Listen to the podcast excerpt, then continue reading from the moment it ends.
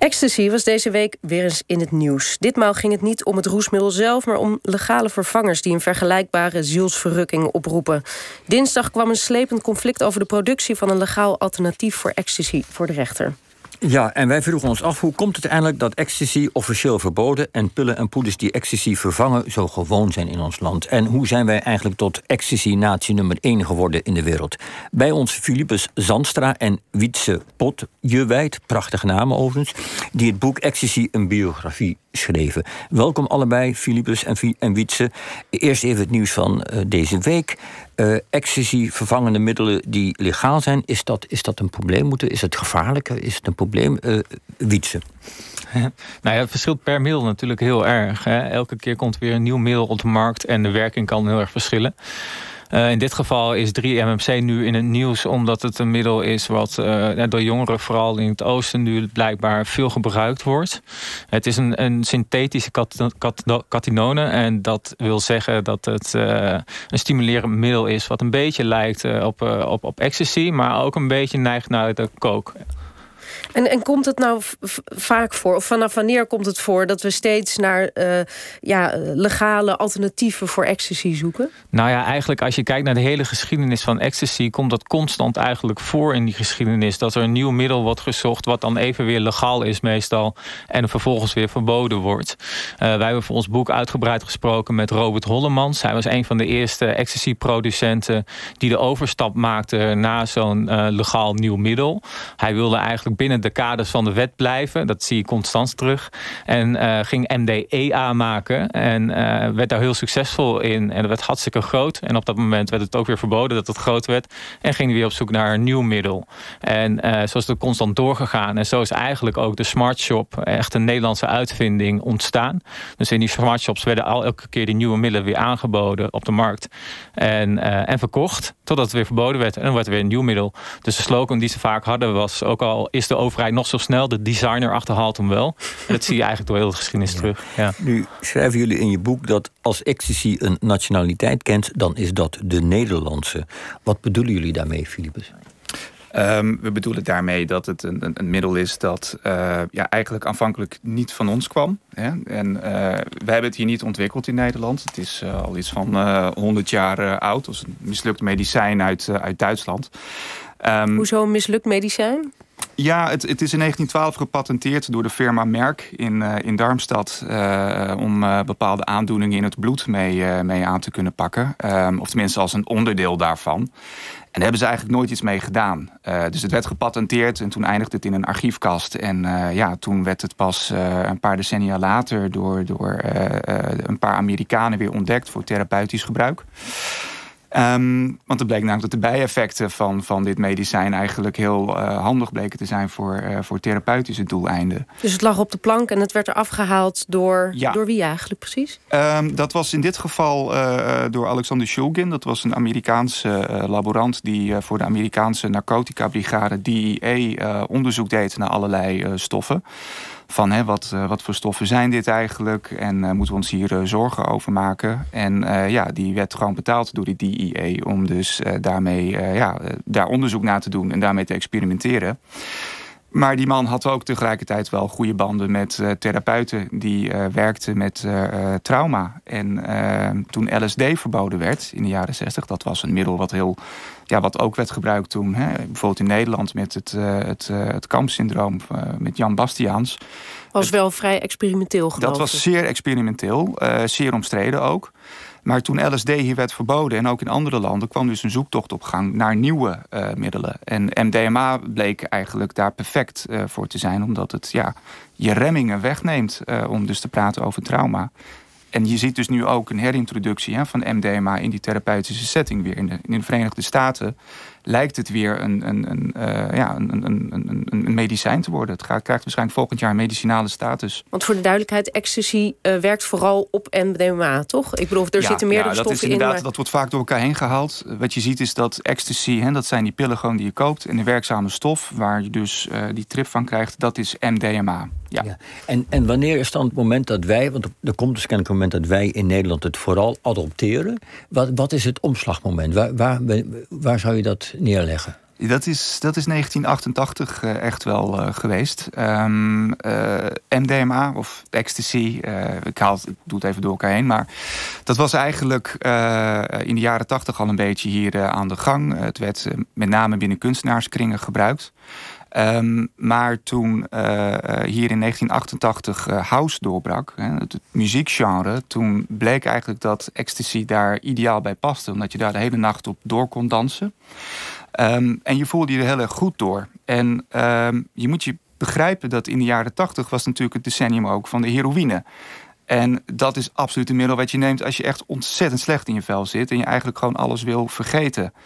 En in 88 was eigenlijk een soort van omslagpunt ook in, in, in de gemoedstoestand van Nederland te bespeuren. Hè. Waar, waar, zie je dat aan? Uh, het, het, het EK.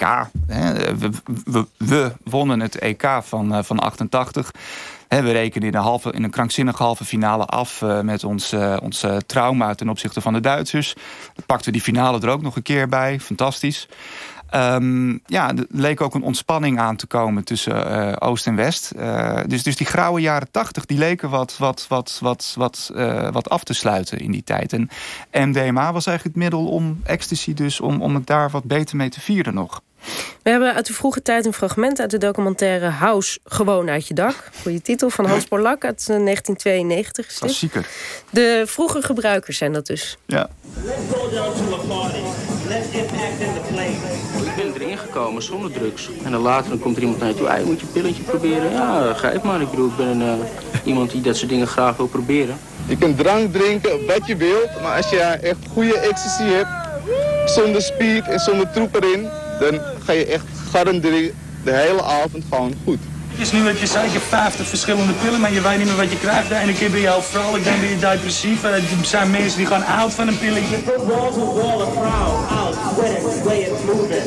Ja, ik geniet wel een heel klein beetje van die, van die muziek op de achtergrond eigenlijk, stiekem. Je weet niet wat je krijgt. Soms ben je vrolijk, dan depressief, dan ga je oud, zegt deze man. Was het direct ook een probleem dat je niet precies wist wat je kreeg, Wietse? Nou, heel erg aan het begin waren juist hele goede pillen. Er is zelfs een, een Duitse farmaceut geweest die ze heeft geproduceerd... en die ook veel in Amsterdam zijn teruggevonden. Het was echt van farmaceutische kwaliteit. Uh, de eerste uh, Nederlandse producenten die, die maakten ook een vrij goede pil. De hele bekende salmiakje waar iedereen uit die tijd nog steeds van moet glimlachen. Alleen wat je zag na een aantal jaren is dat uh, begin jaren negentig dat er vervuiling op de markt kwam. En dat kwam vooral omdat er ten eerste ook veel uh, inbeslagnames waren. Dus de politie was succesvol met het inbeslagnemen van die pillen. En de vraag die groeide natuurlijk enorm. En om aan die vraag te voldoen waren allerlei producenten die niet precies wisten van hoe, het, hoe de vork in de stil zat. Die waren bezig om die pillen te gaan brouwen. En daar werd van alles ingegooid wat niet goed was. En waar je behoorlijk slecht op kon gaan. Dus uh, nee, dat is niet altijd goede kwaliteit geweest. En dat is ook weer een moment geweest waarop dus een designer drukker intreden deed. MDA, MDEA, wat ik al eerder zei. Om maar uh, die slechte pillen eigenlijk te vermijden. En voor een nieuw alternatief te kiezen. En dat zie je in de geschiedenis constant terug eigenlijk. En uh, nu noemden jullie 1988 als het jaar van de doorbraak van ecstasy. Maar in datzelfde jaar wordt het ook verboden. Wat, wat was de aanleiding toen? Uh, ja, dat is wel interessant. Uh, vaak als een, als, een, als een stof wordt verboden uh, en het wordt onder de opiumwet geplaatst, dan is er een, gevaar voor de volksgezondheid. Um, dat hebben wij eigenlijk niet echt harde aanwijzingen voor kunnen vinden dat dat het geval was. Wat wel het geval was, was dat er uh, informatie was bij de politie over dat er een grote zending grondstoffen naar een bende in Den Bosch, als ik me niet vergis, opkomst was. En daar konden ze niks tegen doen. En uh, ze wisten al wel heel goed van waar die grondstoffen voor gebruikt zouden worden. Namelijk het maken van die pillen. Dus uh, toen uh, werd eigenlijk gezegd van ja, we moeten dit nu zo snel mogelijk gaan verbieden. Want, en dat staat dus ook letterlijk in de staatscourant... het risico bestaat dat Nederland anders een productie- en doorvoerland gaat worden van MDMA. Ja, dat, dat, was een vooruitziende blik. Dat was, dit, is, dit, is, precies wat er gebeurd is. Als je het over een ja. Cassandra hebt. Ja, ja. dit is wat er gebeurd is. Dat is inderdaad dus het heeft niet geholpen is. eigenlijk. Dat je, ofwel, nee. heeft het enigszins geholpen dat het een verboden middel werd... en dat het dus te bestrijden tussen aanhalingstekens? Nee, nee, nee, nee, het heeft niet geholpen. Want kijk waar we nu zijn. We zijn een enorm productieland geworden. En het is ook zo dat er ook aan het begin... nog niet zo heel veel rugbaarheid aangegeven werd aan dat verbod. Het was natuurlijk ook nog een redelijk klein middel. Niemand wist er echt van. En zelfs de eerste rechtszaak die er is geweest... dat was een Amerikaan die MDMA in condooms wilde verwerken... omdat hij dacht dat dat heel goed zou werken. Ehm, die werd vrijgesproken. Wacht omdat... even, MDMA in condooms? Ja. Toch, wat was het idee? Nou ja, het was natuurlijk werd toch wel echt stond bekend als de love drug. En hij dacht van, nou weet je wat, als ik dat in condooms verwerk... dan heb ik alles te pakken. maar dat is natuurlijk een heel slecht idee... want het is uiteindelijk ook nooit op de markt gekomen. Maar goed. Um, maar hij werd dus vrijgesproken omdat er te weinig rugbereid was gegeven aan het verbod. Dus dat wil zeggen van ja, er was wel een verbod, maar er werd niet echt op gehandhaafd aan het begin ook. Er werd een beetje gedoogd en daardoor uh, kon het ook groeien. En uh, later ook die grote producenten konden daarmee uh, aan de slag gaan. Ja. Je moet ook begrijpen dat, dat, dat het hier ook echt die, die heroïne-epidemie was... Die het, die het, uh, waar, waar, alle aandacht naar, uh, naar uitging. En dat, dat was gewoon het, het grote probleem. En met ecstasy oké, wat gebeurde hier? Mensen gingen elkaar knuffelen. Het was een vriendelijk imago. Ja, zo te zien uiteindelijk is, is, is, het een dubbele situatie. Officieel is het verboden en met tegelijkertijd is er een gedoogbeleid. Je kunt naar uh, Jelinek om je pilletjes te laten keuren... en dan krijg je te horen of het deugt of niet deugt. En, en dat is de harde praktijk. Maar als we nu naar het heden kijken... we hebben ecstasy, het is een jullie zeggen niet zozeer een probleem voor de volksgezondheid, maar tegelijkertijd is het wel, zijn er allerlei andere problemen, harde mm. criminaliteit, milieuvervuiling. Uh, hoe, hoe, hoe moet dit opgelost? Hoe moet er, waar moet het vandaan komen? ja. Dat is een, eh, dat is een lastige. Uh, er wordt vaak uh, gezegd van we moeten overgaan tot het legaliseren van, van MDMA. Ja. Um, kijk, er zijn wel degelijk risico's verbonden aan, aan het gebruiken van MDMA. Maar we halen ook in ons boek aan. Hè, het, het, het, er is een Britse arts bijvoorbeeld geweest die het vergeleek, de risico's met, met paardrijden. Hè. eigenlijk, eigenlijk het aantal doden dat valt per jaar met ecstasy is, is, is, is daarmee vergelijkbaar. Um, maar toch tolereren we het ene risico wel en het andere risico niet.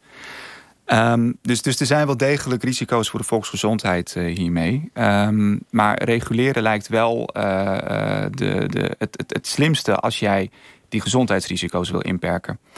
Gaat het om het, het, het willen aanpakken van die criminaliteit, dan is het een heel ander verhaal. Als je kijkt naar die productie in Nederland, dan is 99 procent van wat wij hier maken aan pillen is bedoeld voor het buitenland. En dus als je dan uh, die ene procent die wij hier zelf gebruiken legaliseert, dan heb je mhm. daarmee het probleem nog niet uh, ondervangen.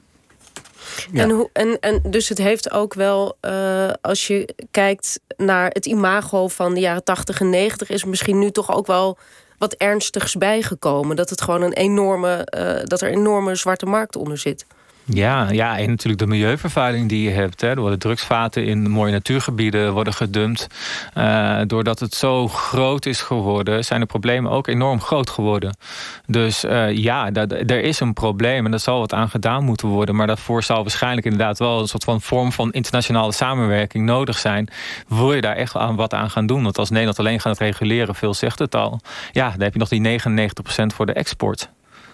En die de internationale samenwerking gaat er niet zo snel komen, kan ik me zo voorstellen. Of... Nee, nee. maar, maar even, even kort, om het toch allemaal goed te begrijpen. Jullie mhm. zeggen aan de ene kant moet je het reguleren. Dat betekent dus kennelijk dat de overheid het moet toestaan. Misschien uh, moet helpen ja. verkoop, verkooppunten, et cetera, organiseren. Ja. En aan de andere kant moet je dus de criminaliteit tegelijkertijd aanpakken. Er moet een soort twee sporen beleid ja, komen. Gaat dat er komen?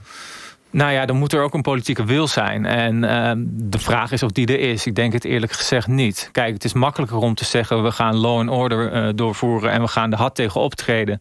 Daarmee kun je stemmen winnen. Dat zie je gewoon door heel de geschiedenis dat dat werkt. Um, maar ja, daarmee is het probleem niet opgelost. Want dat zien we nu ook. Je hebt natuurlijk ook partijen die zeggen van... ja, we moeten gaan reguleren. We moeten naar een progressief drugsbeleid. En dat zeggen ze op momenten waarop het er niet echt om gaat. Dus als het straks weer verkiezingen zijn... en er moeten echt beslissingen worden genomen...